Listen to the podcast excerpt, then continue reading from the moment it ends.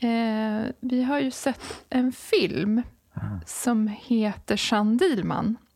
Eh, den heter nu Vingt Quai du Commerce, Ja, tror jag. Något sånt där i Bryssel. Eh, en eh, belgisk, fransk film Mm. av Chantal Ackerman. Eh, för det var så att jag har lite, sen sist har jag hållit på en hel del med en regissör som heter Åsa Kalmer och vi Mm. eh, vill gärna att eh, det ska bli tv-serie av Maj-trilogin. Vi får se om det blir Mm. Det och så. vore ju roligt. Det vore jätteroligt. Eh, och vi har, eh, det har varit väldigt roligt att samarbeta med Åsa för att vi har, vi tänker, vi har, vi har en gemensam vision tror jag vad man skulle kunna göra. För ofta får jag höra annars eh, att eh, nej men man kan ju inte, mm, hur ska man visa hushållsarbete på en scen eller på, i en film? Det blir ju så tråkigt. Eller, eller barnafödande, det blir ju så överdrivet eller liksom inte intressant och så. Ehm, men då genom en... Det var faktiskt en... Jag, jag hade inte sett den här filmen, Jeanne Dielman, som är från 1975, utan medan vi höll på att göra en pitch för den här tv-serien så letar vi efter referenser. Vad man kan tänka, hur har, hur har liksom hemmafruar eller hushållsarbete skildrats i, i filmhistorien? Kanske inte så jättemycket så. Eh, men eh, då fick jag tis, tipset av en, eh, av en kille som heter Jesper som eh, sa, har ni sett Chantal Ackerman? Så, och så, så passande så fick den ny premiär i, i, i Stockholm här i höstas. Eh, så då var jag och såg den över tre timmar långa filmen om eh, en kvinna som ju är änka i Bryssel. Och du Mm. har också sett den? Ja, Sven? Jag har ja. sett den på Youtube. Ja, och jag såg upp? också att den fanns Ja. på Youtube. Jag tänkte att jag skulle se den igen, men så... Den går också att hyra, Ja, filmen. vad på, bra. På, på Treart.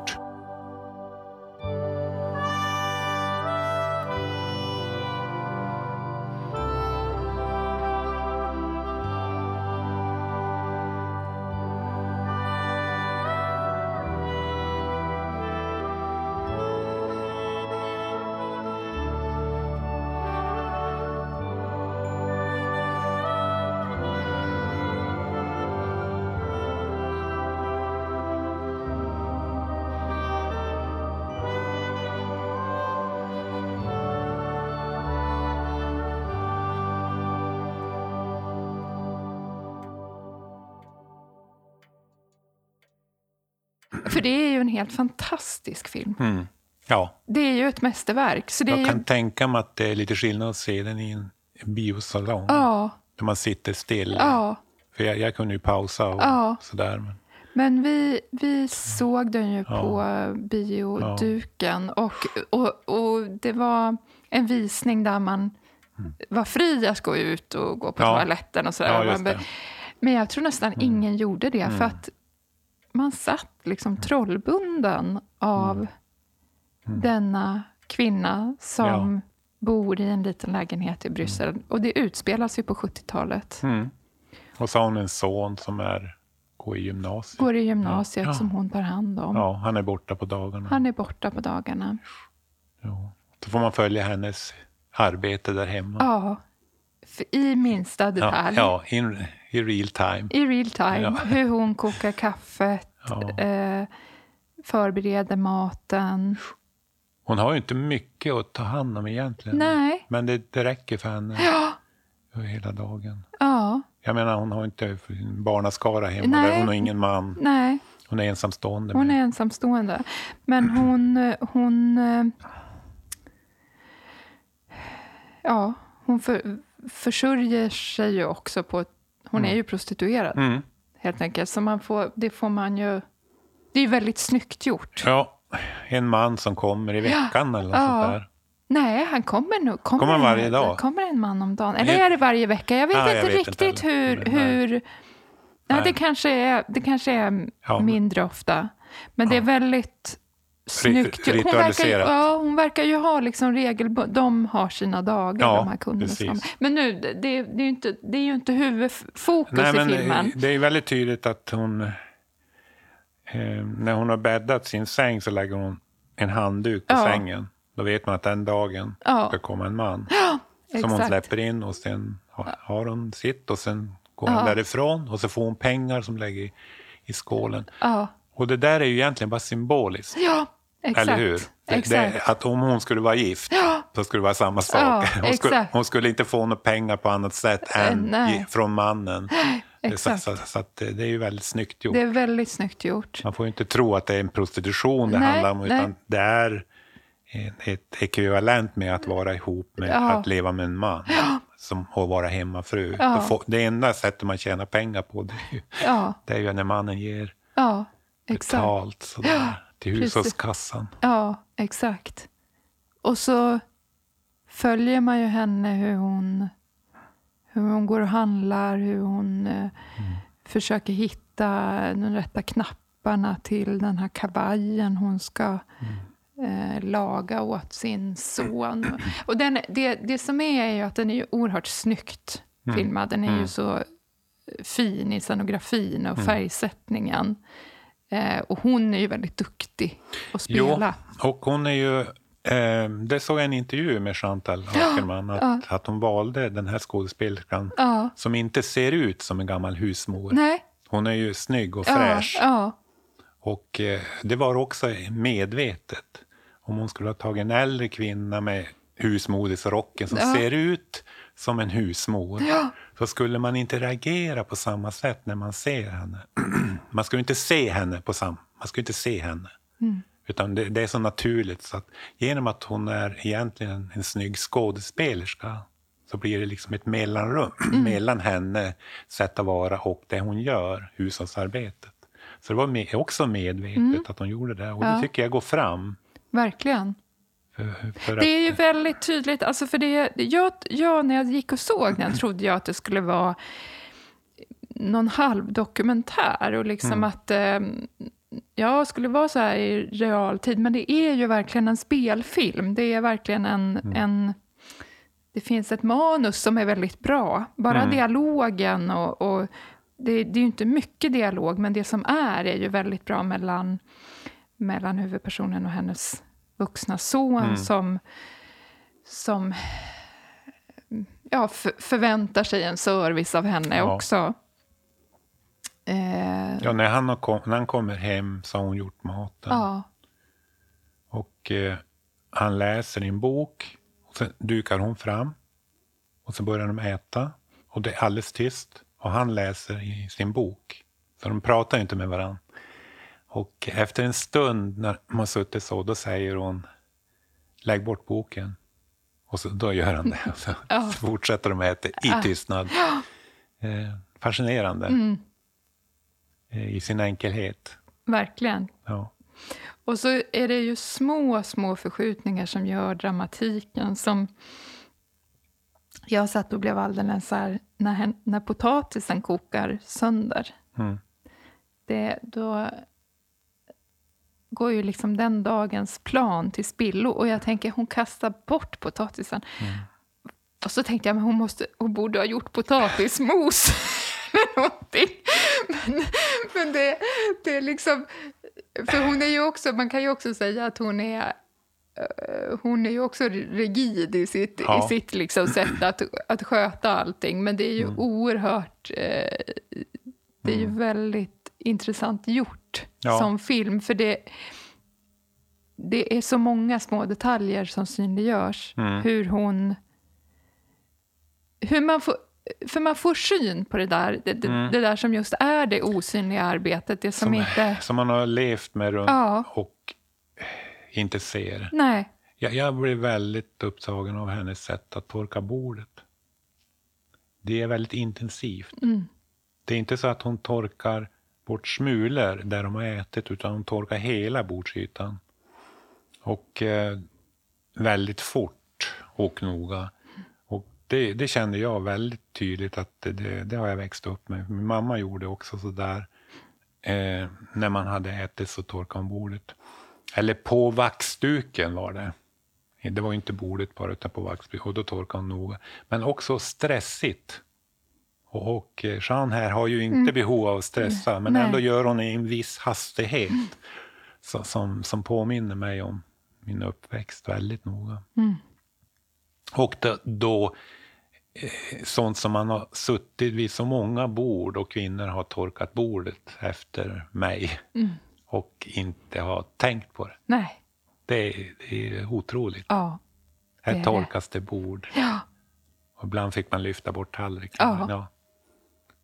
Och då lyfter man kanske bort tallriken och ställer ner den igen ja. och inte tar den till diskbänken. Nej, nej. Liksom så. Mm. Men, eh. men det där med att torka, hon hade inte så mycket diskbänk. Nej. Det var en belgisk... Det var jag också intresserad för ja. jag tänkte att där är det olika. Hon diskade ju på morgonen. Jag, alltså, mm. men, men bara det säger mm. någonting om kvaliteten i filmen när man tänker, men det här blir ju jätteintressant. När, när gör hon disken? Hon gör mm. den inte på kväll, för alla följer ju rutiner, utan mm. hon diskade gå, middagens disk på förmiddagen mm. efter frukost. Mm. Ja. Det var så hon gjorde. Ja, det skulle inte Maja ha gjort. Nej, nej, nej. nej hon kan inte gå och lägga sig utan att absolut inte. gjort disken. Och, men det kanske, hon hade ganska trångt hon hade i trångt. köket där. Och, och, kanske och då var ju, då, och kanske någon också, belgisk variant. men också bara det att sonen var ju hemma och då, då blev ju liksom, hon blev ju väldigt mm. inriktad på sonen när han mm. var... Då satt de ju tillsammans i, mm.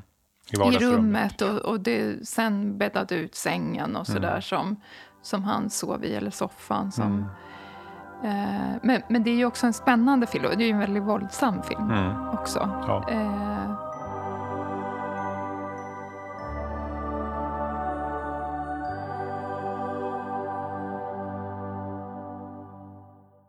det, är, det är väl Melinda Gates som skriver om i Kvinnor förändrar världen, så skriver hon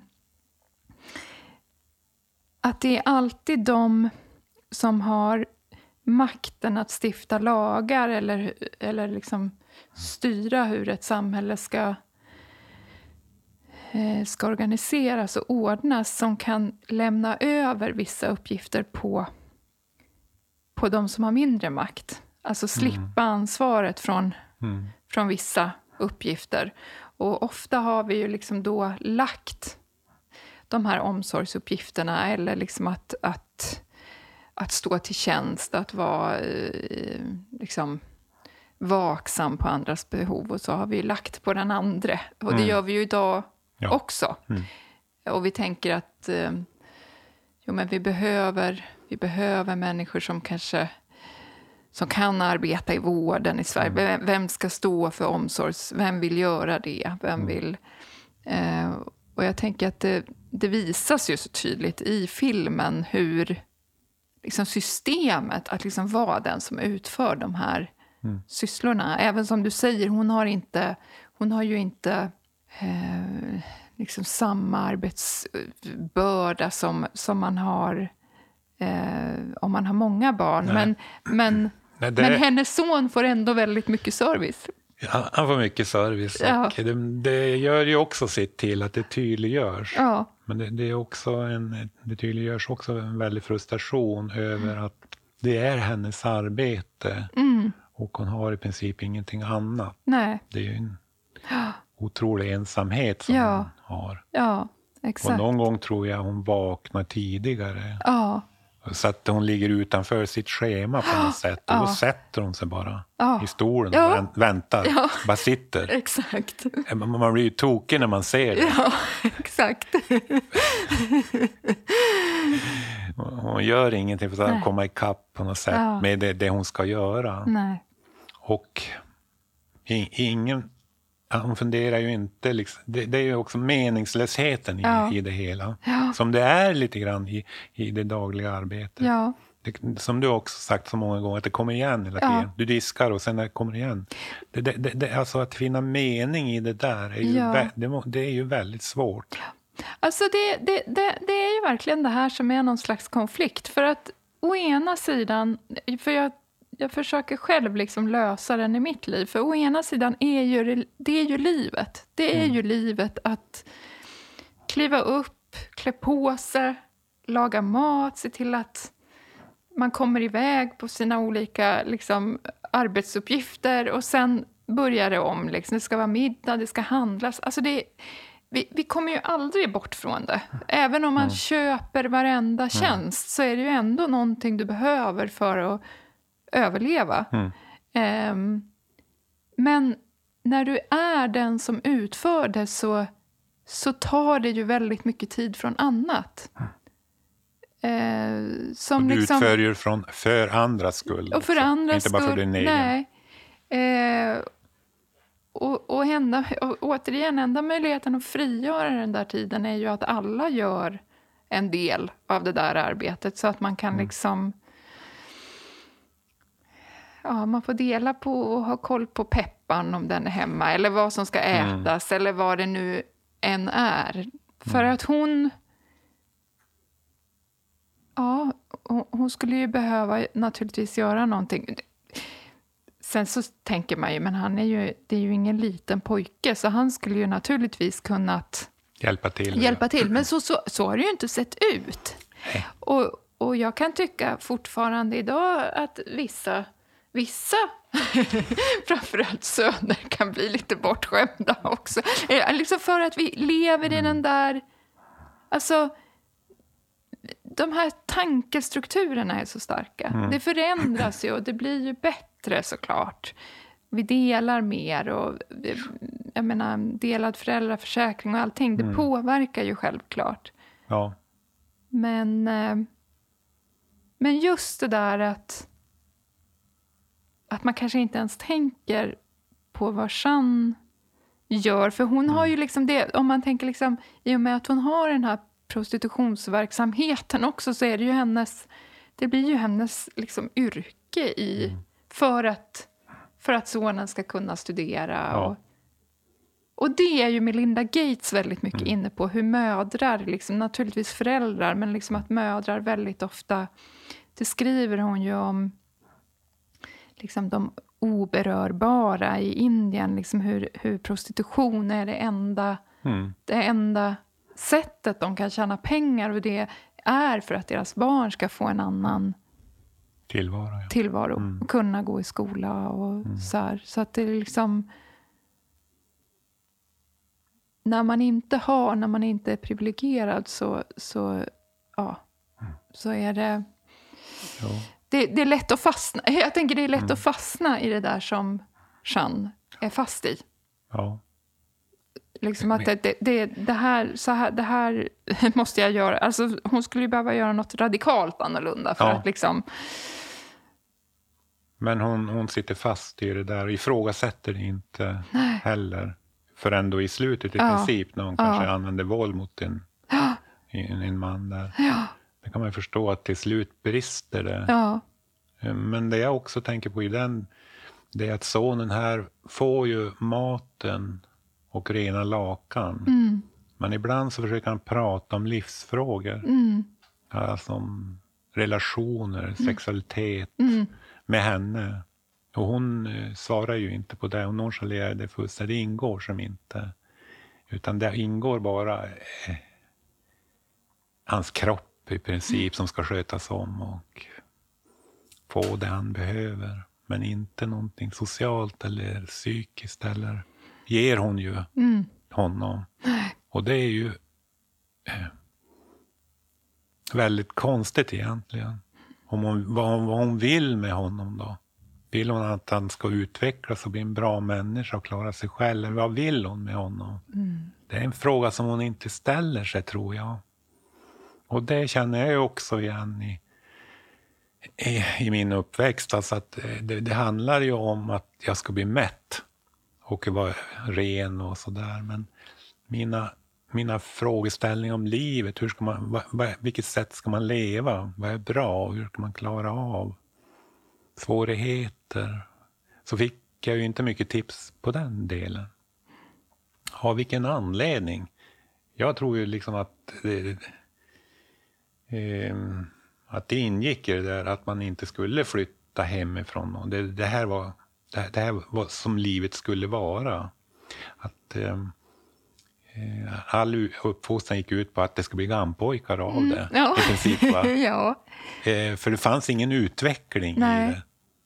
Eh, Det fanns inte heller för min del, men det nu pratar jag bara för mig själv, det fanns ingen förväntan att jag skulle bli någonting.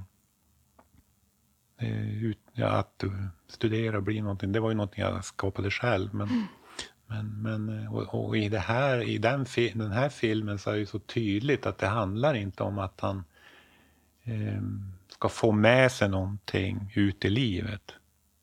Utan livet bara rullar på på det här sättet. Men och det- den dagen han sticker därifrån, när hon inte får bädda upp åt honom och ge honom maten, det, det är ju katastrofen. Mm. Men du, jag tänker ju att det, det, det är ju ett liksom...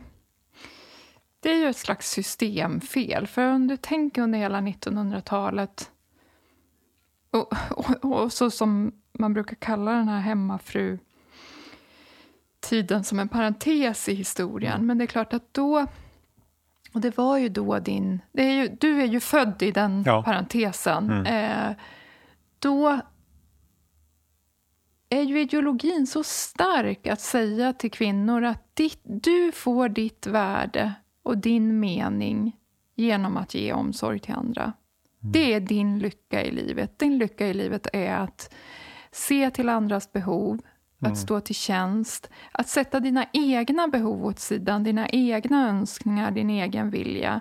Din vilja är att, och väldigt kris, liksom, Mm, som Melinda. Gates också pratade om, den där, det, där krist, det som jag har svårast för med, med religioner och kristendom, att, att liksom kvinnor ska tjäna mannen, liksom man ska tjäna sin herre och tjäna Gud. Alltså d- den här enorma eh, underordningen. Eh, Mm. och det är någon annan, någonting högre som ska välja min uppgift i livet och vad jag ska göra. Och om det innebär mycket lidande så, så måste jag finna mig i det. Ehm, och, och jag tänker att då är det såklart ganska lätt att, att hur ska man då kunna eh, tänka att jag har ett värdefullt liv när jag inte längre gör Mm, de här sakerna? Nej. Då, då, då blir det ganska rationellt att då ser jag till att ha det här. Jag ser till att fortsätta att de behöver mig, att de inte klarar sig utan mig. Att, För målet är inte att... Målet är ju att jag i mitt liv ska ha en mening och en uppgift och, och vara behövd. Liksom. Och så, Det i kombination med liksom en arbetarklassbakgrund, att man inte... Att man har... För Jeanne är ju också en... Hon är ju... Hon är ju också en, en arbetarkvinna, tänker jag. Att liksom, hon har ju inte heller ett, ett stort bibliotek eller sådär. Alltså hon, hon gör ju sina arbetsuppgifter. Men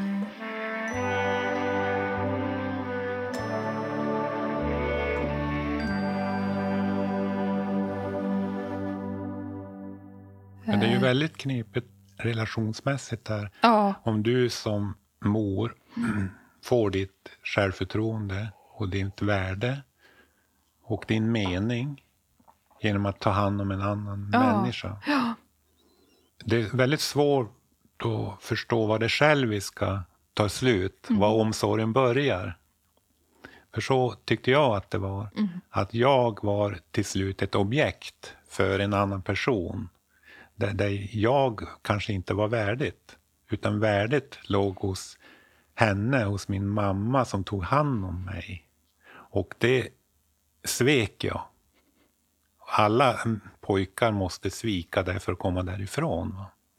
Och det, det präglade ju relationen resten av vårt liv. Att ehm, jag blev inte kvar där och upprätthöll hennes värde. Och det tror jag inte du är ensam om att ha varit med om. Jag tror att det är naturligtvis. ganska vanligt. Det är ganska i- vanligt. Det ligger ju i den här Ja. omsorgsgrejen när man gör någonting för någon annan. Ja, men det är ju och därför... där vä- värdigt liv. Alltså, var är den goda Mm.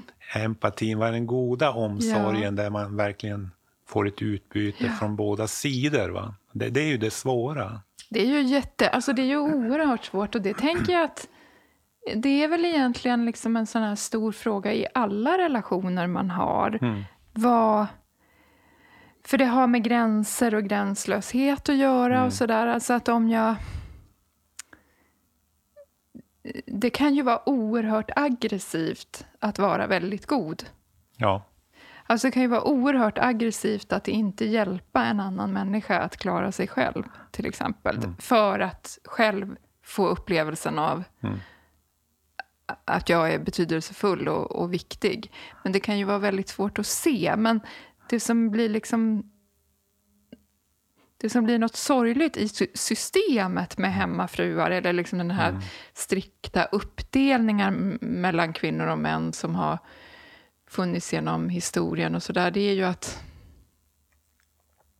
det är ju väldigt lätt att fastna i det där som, som Siri fastnade i, som Maj har delvis också. Sådär. Alltså att, att vara, hur ska man få hjälp att...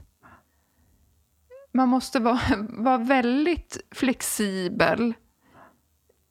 Om man å, e- för å ena sidan har ju på något sätt samhället sagt du ska göra det här som du inte får lön för, som är monotont, det upprepar sig. Det har inget reellt värde. Vi värdesätter det inte i pengar i alla fall. I Nej. Den där biljonindustrin. Nej. Men, men, men du ska göra det ändå.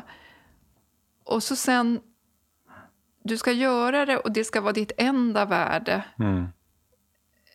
Men det har inget värde. Alltså det, blir så, det är så många bitar och det är så bitar, ja. komplicerat. Men det är ju naturligtvis, det är ju, det är ju destruktivt. Mm. Det är ju inte bra att Nej. växa upp. Men, men jag menar, jag tror att eh, i vilka relationer vi än lever där vi tycker att någon annan ska Mm. sörja väldigt mycket för våra behov så blir det, det blir fel. Mm. Liksom för båda. Det blir fel för båda. Det är ingen bra... Det är ingen bra. Visst har vi varit inne på det att grundläggande är ju att alla människor ska lära sig klara sig själv då Ja. det gäller kroppen. Ja, Alltså sköta sin hygien, ja, sköta sina kläder ja. och kunna göra mat. Och göra mat, Så kunna man- städa. Och städa, ja. Alltså det, det, det, den delen borde alla Ja. kunna klara. In, inte överlåta till någon annan. Nej, Sen är det ju, psykologiskt gör man ju det. Och det, det är ju också ett annat plan, men Ja. där, där det här pågår. ja, Jag har ett problem, jag Ja. kan, kan inte klara av det. Ja. Jag du måste hjälpa mig. Och he, hela den grejen kan ju också vara väldigt svårt när det gäller gränser och gränslöshet. Där, där man blir beroende av någon som hjälper en och där, där den ena som är hjälpare får eh, en känsla av att vara duktig och bra och sådär. det är väldigt komplicerat. Det, det är komplicerat. Alltså, vi har dels en, i praktisk form och sen har vi det psykologiskt. Absolut. Jag har många gånger funderat på Ehm, eh, varför barn tar på sig skuld för det de blir utsatta för. Eh, om de blir till exempel dåligt behandlade, föräldrarna misshandlar dem. Eller övergrepp alla olika typer så är det ju så väldigt vanligt att barn tar på sig skulden för det. Och det är ju en förskjutning som är väldigt konstig. Och de vägrar ju nästan att se förälderns skuld. De skyddar föräldrar. Det är som en normalt i princip. Och och jag läser någonstans att anledningen till det är ju att föräldern är, ses ju som ofelbar för barnet. Eh, omnipotent. Eh, och, och att behålla det, att, att föräldern är ofelbar, eh, är viktigare än att lägga skulden där det hör hemma. Därför skyddar barn föräldrar och tar på sig skulden för det föräldern. För det, annars då förstörs inte den, den gode föräldern. Förstörs inte. Bilden av den gode föräldern är bättre. Och så är det ju när vi är inne på religion också. Eh, överhet eller Gud. Eh, en kristen tar ju på sig skulden själv. Vi får ju hela tiden be om förlåt fast vi vet att det är Gud, kan ju, han, är ju, han är ju allsmäktig. Ja, Vi börjar med det. så kan han ju göra då ställa till ordning det som är dåligt. Men det gör han ju inte, utan han lägger ju skulden på oss. Alla går skuld. Så kan vi få förlåtelse. Tack. Men det är ju för sent. Det har ju redan hänt. ja exakt. Men, men, men det är samma mekanismer. Att det, vi vill ha guden som allsmäktig. Så vi lägger aldrig skulden där, vi tar den själv. precis som det är med barn, barn, Mm. barn och föräldrar. Och, och, och, eh, det, det, så är det ju i relationer hela tiden. Alltså, ju, även om nu bortser från föräldrar och barn så är om två personer lever så, så pågår ju alltid det där också. Och det blandas ju in i det här med praktiskt och psykologiska relationer. Så att det är Verkligen. många delar som, som Verkligen. så, så, så, så att det, det gäller ju att försöka hela tiden att tydliggöra det- de här mekanismerna som vi pratar om nu. När vi lägger det på ett kön. Att det, det, det, kö, alltså det är kvinnan som har ansvar för just den praktiska delen. Och det blir, då blir det ju system av det. För jag tycker att det är, både Melinda Gates och Gemma Hartley tycker jag, eller, ja, alltså de beskriver i sina böcker, alltså det här att, alltså förväntningen på att eh, tolka någon annans behov, att inte, alltså vad ska man behöva säga ut och vad ska man liksom, vad upplever man att det här ska den andra förstå? Jag ska inte behöva säga. Alltså det finns ju så många knepiga bitar i det där som är... Eh, och naturligtvis när det gäller barn och föräldrar så är det ju en särskild liksom, sårbarhet. För barnet är ju verkligen beroende av Ja. sina föräldrar. Ja. Eh, så det är ju, där, där är man ju liksom... Man är ju, man är ju så utlämnad. Men jag kan också tänka, det är ju min käpphäst det här, liksom, hur det har varit att vara mammor genom historien. Det finns ju en sån berättelse i Arbete för livet med, ehm, med en av kvinnorna. Som, det, är ju, det är en bok där, där kvinnor som är födda på 1910-talet är intervjuade vid Ja. flera tillfällen. Och så får 20 de, stycken kvinnor. ja, får de beskriva sina liv Mm. eh, i en studie. Och vad, vad arbetsliv och familjeliv. Men det är ju arbetslivet egentligen som är i fokus. Men, men det, det, då, därför är det också ett tydligt fokus på, på omsorgsarbete med. Och barnafödande ser man som arbete. Och så. Men det är ju det här att hur, hur föräldrarna och det har ju oftare varit mammorna som blir liksom skyldiga till vad som sen händer barnen, hur de har gjort och hur, hur, hur mycket det där ändå förändras över tid. Hur mycket man vid en tidsperiod tycker att mödrarna ska vara på ett sätt och en annan period ska de vara på ett helt annat sätt. Och så, så jag tänker, det, det, det finns något så sorgligt också med med Siri som på ett sätt gör rätt och så blir det så fel. Mm. För hon kan inte hjälpa dig inför den nya Nej. tidens krav med det gamla sättet att Nej. vara. Och det är ju egentligen en föräldrakonflikt som vi alltid står inför. För vi Ja. vet inte vad den nya generationen ska, Mm. ska klara av eller ställas inför. Nej. Eller... ehm, Men tror brottet där mellan hemmafrun och det yrkesarbetande på 60-talet, Mm. det var ju också en kraftig förändring. en kraftig förändring var det. Alltså, jämfört med jag och mina söner Ja. nu. Eller, bara om du tänker, tänk den här kraftiga förändringen. För, för det, det är också så här, alltså vi, vi, vi blir så snäva i vår syn på, på hur saker har varit och så. Men tänk så, hur få som studerade. Så hur få Ja. som tog studenten. Bara, jag tror liksom som när Anita i, i, i trilogin tar studenten 59 så är det 10 procent som tar studenten. Just det. Och då får du tänka liksom att så få som då har studievana även med de som är födda på 60 och 70-tal. Alltså det är inte... Det är en, det är en liksom så stor... Och hur ska man då som förälder uppmana någon att studera, studera, när man inte har någon Nej. erfarenhet av det eller vad det innebär? Och naturligtvis för att de som har möjlighet att bestämma lagarna och, och, och, och vad som är viktigt överdriver ju svårigheten i att studera. Mm. För, att inte, för att det ska ha det höga värdet Ja, det har. jo, precis. så så, så att det, det, det, det finns liksom massa... Alltså det är ju alltid Det där är ju ganska tydligt i Ferrantis eh, Ja. eh, böcker Ja. om Lena, Leno och Lena, Li, Lila. Ja, Där, där, eh, de är ju duk, Lila är ju duktig och Leno också. Mm. Men, men de, föräldrarna vill ju absolut inte att de ska studera. Utan det är ju, det är ju lärarinnan. Och hon har ju makt. De tving, hon tvingar ju Lenos familj att, eh, så att hon får fortsätta studera. Mot deras vilja egentligen, Mm. mot föräldrarnas vilja.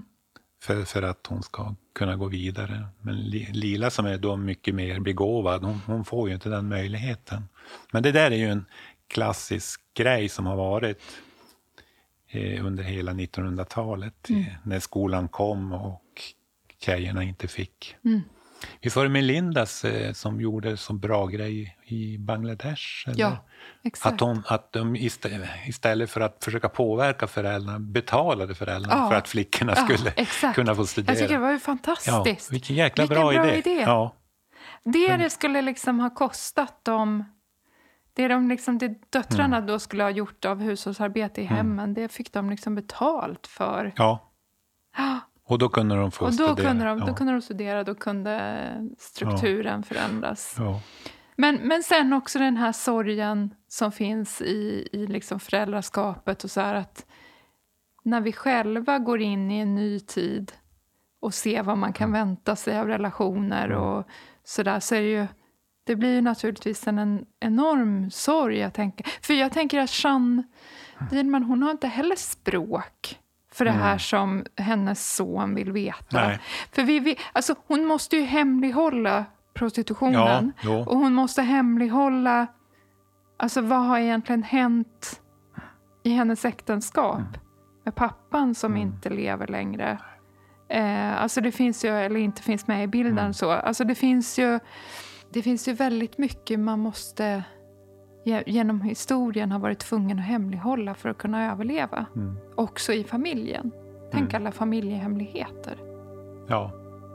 Så, och, och, och hela idén om att det där ska man inte prata om. För det där är skamligt och det där är hemligt. Mm. Du har lyssnat på podden Hemmafru med Kristina Sandberg och Sven Teglund. Den finansieras av dig som lyssnar och om du tycker om den får du gärna stötta den med ett bidrag. Du kan gå in på sajten patreon.com hemmafru och ge en valfri summa per avsnitt. Det går också bra att stötta podden genom att swisha till nummer 123 559 7133. Skriv då hemmafru i meddelandefältet. Alltså, gå in på patreon.com hemmafru eller swisha till nummer 123 559 7133. Tack alla er som gör podden möjlig. Hemmafru är en produktion av Teg Publishing.